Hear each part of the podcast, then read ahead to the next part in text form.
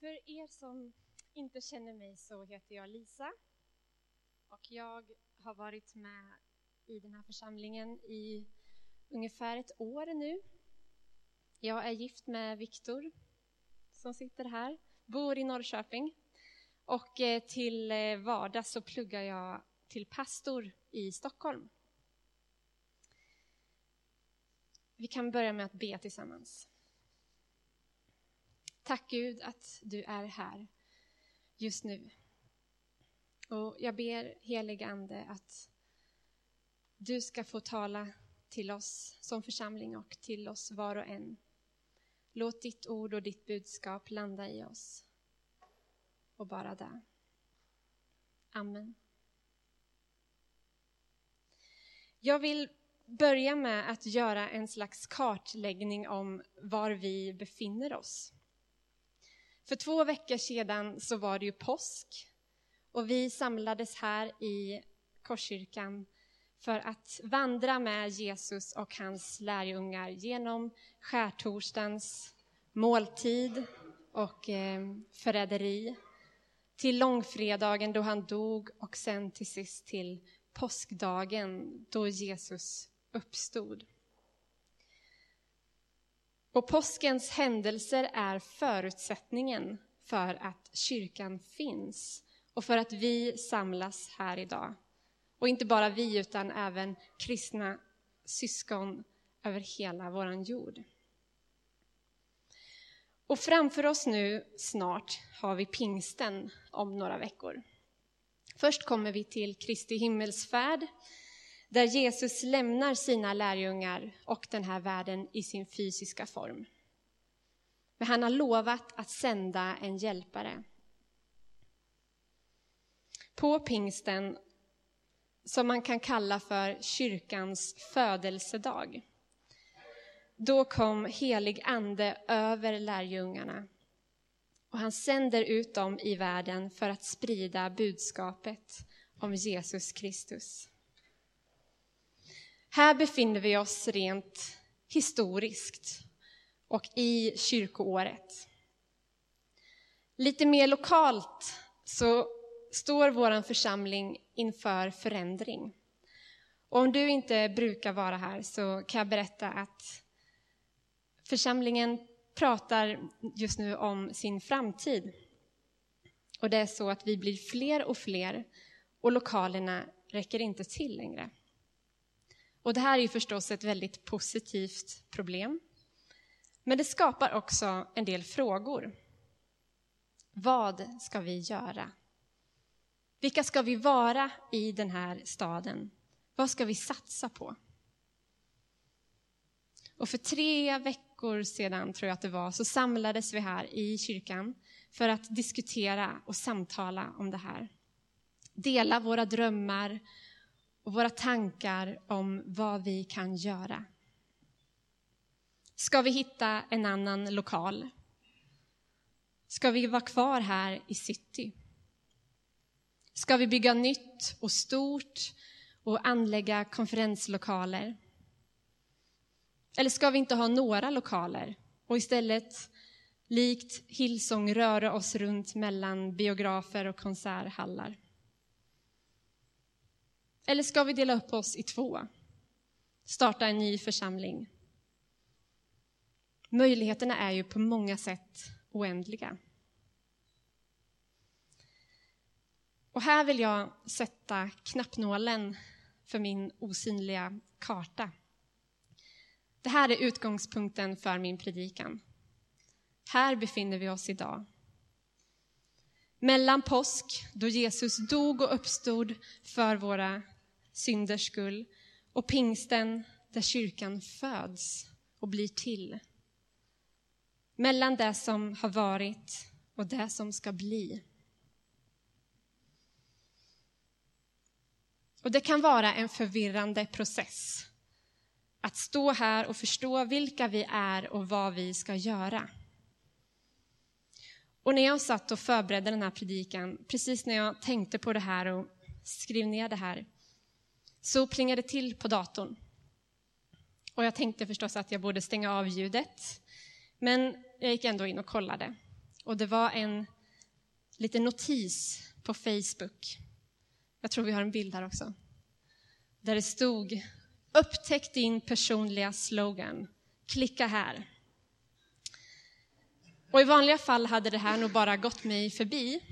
För sånt här ser man ju lite hela tiden, tycker jag.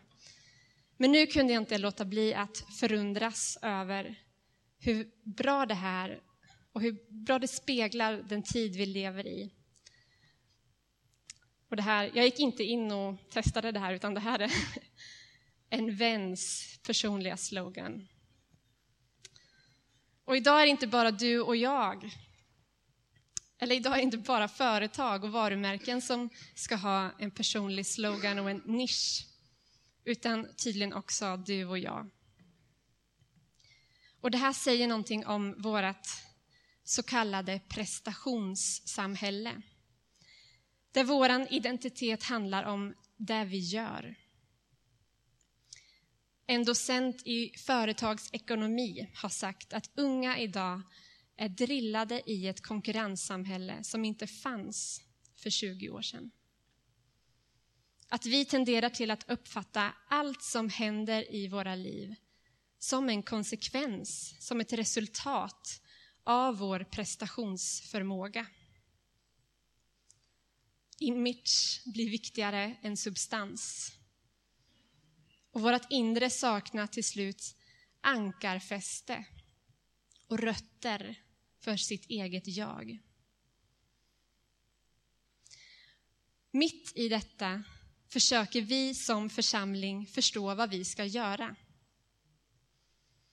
Frågan är hur det här prestationssamhället påverkar våran gudsbild. Vårt förhållande till Gud. Och hur påverkar det hur vi ser på oss själva som församling och våran kallelse?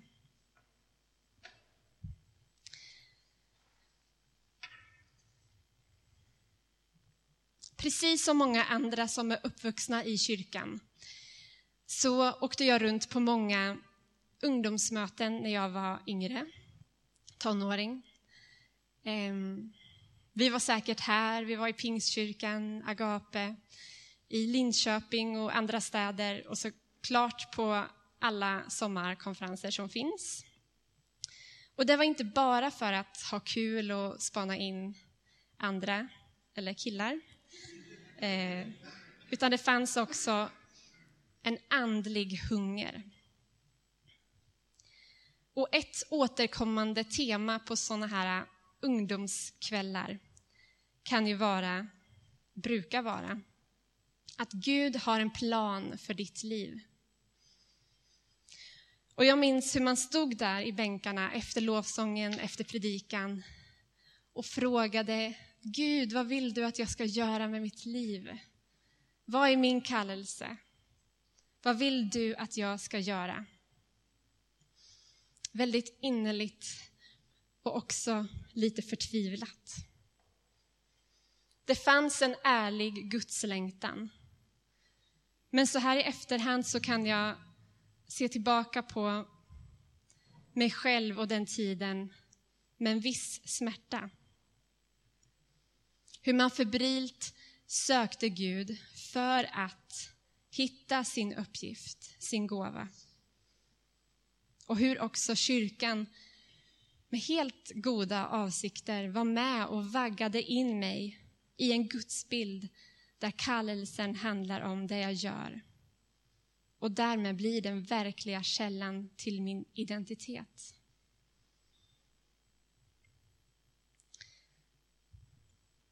Tio år senare ett och ett halvt år från idag så hade jag mått dåligt en tid och började inse att det är någonting mer. Och jag hade fått en utmattningsdepression.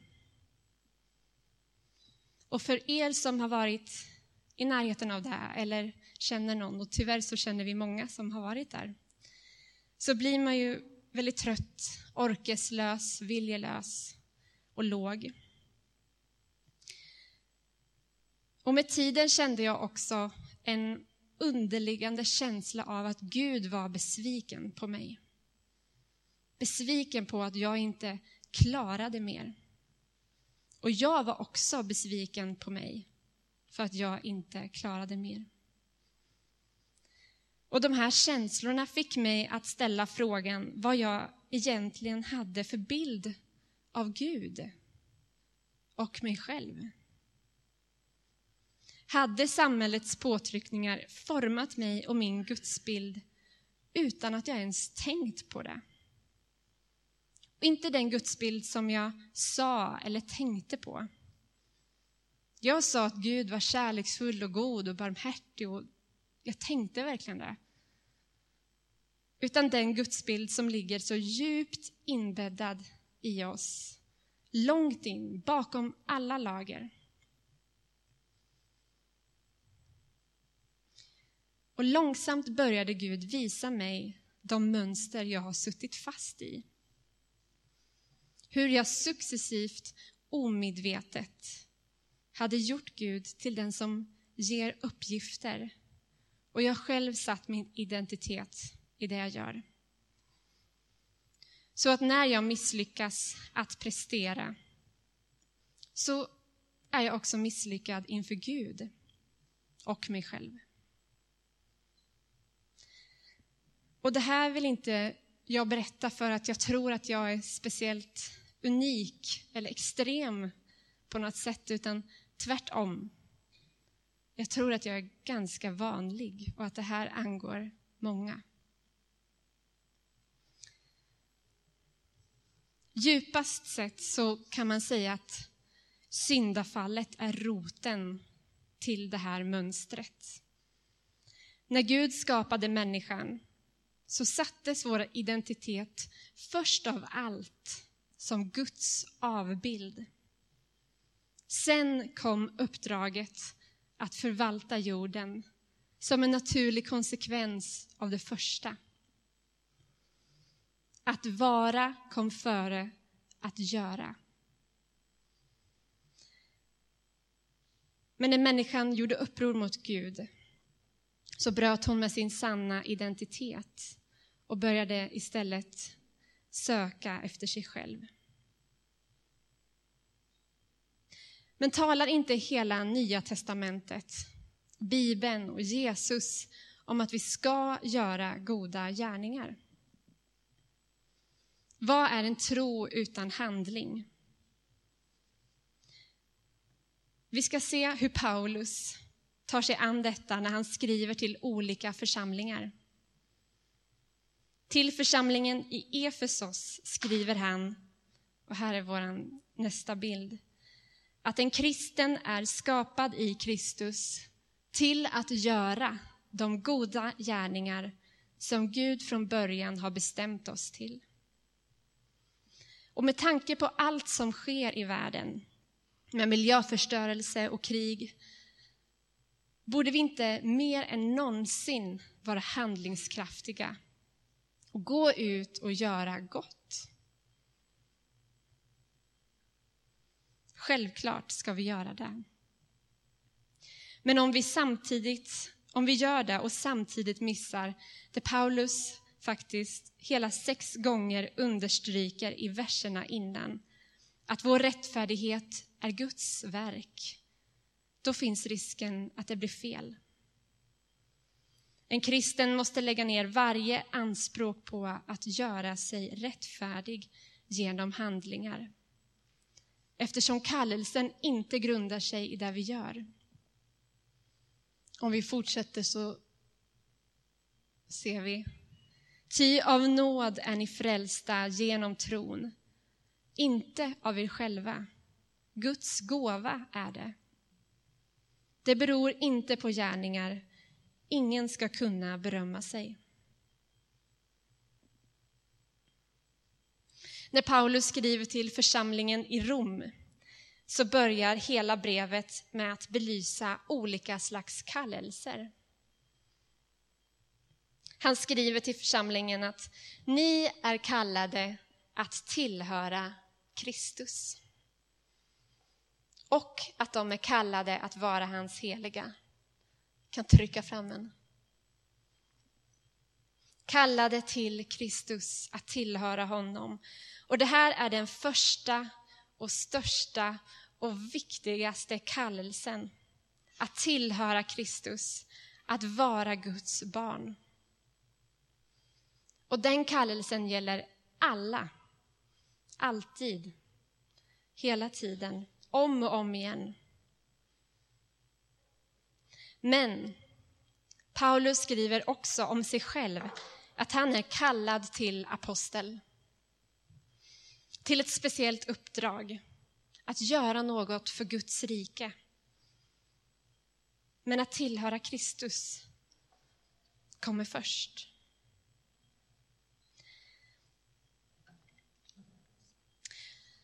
När jag gick igenom den här perioden som jag berättade om och fortfarande gör såklart på olika sätt så har nattvarden blivit väldigt viktig för mig. Och som ni säkert vet så har vi någonting som kallas onsdagsmässan här på onsdagar. Eh, varje onsdag klockan 18.30. Inte längre, nu har det slutat för terminen. Men i nattvarden har jag fått fatt i en djupstruktur som lägger grunden för hela mitt kristna liv och identitet.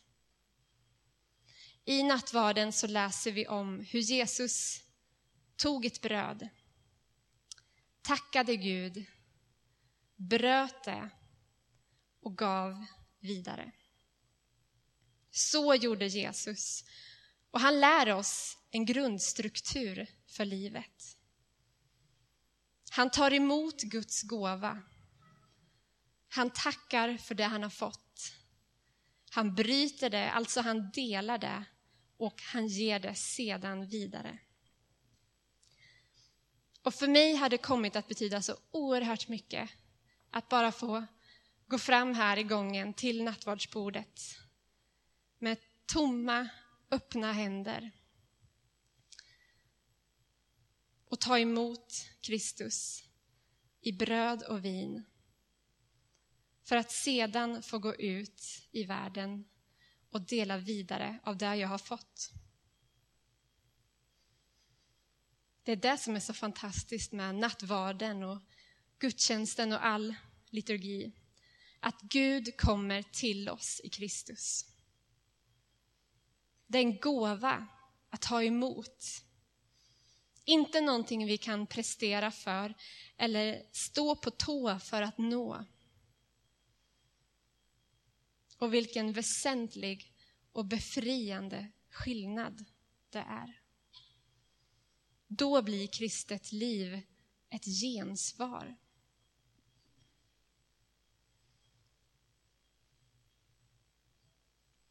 En församling börjar inte i sin funktion, vad vi gör. Vi är Kristi kropp. Det är vår identitet. Det finns ett samband mellan kyrkan och Kristus. Ett djupt mysterium. Och när Jesus efter påsken lämnar jorden rent fysiskt så fortsätter hela frälsningsdramat, hela den här frälsningshistorien genom kyrkan som Kristi kropp. Och det inte bara en bild, kan vi börja ana, utan en definition. När Paulus först förföljde de kristna, för det var så det började, så hörde han en röst som sa Varför förföljer du mig? Och Paulus frågade Vem är du, Herre? Och han svarade jag är Jesus, den du förföljer. Alltså, vi tror inte bara på honom. Vi är en del av honom. Vi är inte ett företag eller en organisation som genom bästa effektivitet kan hjälpa den här världen. Vi är Kristi kropp ett tecken på Guds rike genom vilka vi är och ett instrument för Guds rike genom det vi gör. Och allt detta för den här världens skull. Och i varje tid är församlingen kallad att förkroppsliga denna Kristus närvaro. Och ju mer världen lider och nöden breder ut sig, desto mer behöver vi först vända oss till Kristus. Först då kan vi ana en lösning. Och först då kan vi vara en profetisk röst in i vårt samhälle. Och innan vi ska göra detta, att vända oss till Kristus, så vill jag också uppmuntra till att vara med på de här torsdagarna resten av våren. När vi samlas här i kyrkan för att be för församlingen och våran kallelse. Låt oss be.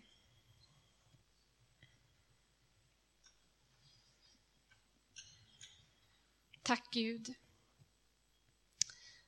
att du kallar oss till dig gång på gång, varje dag. Att du, Kristus, drar oss till dig och att vi får ta emot dig utan förbehåll. Herre, jag ber för vår församling och allt det som ligger framför. Herre, visa oss vilka vi är så att vi vet vad vi ska göra. Led oss steg för steg. Och stärk vår tro.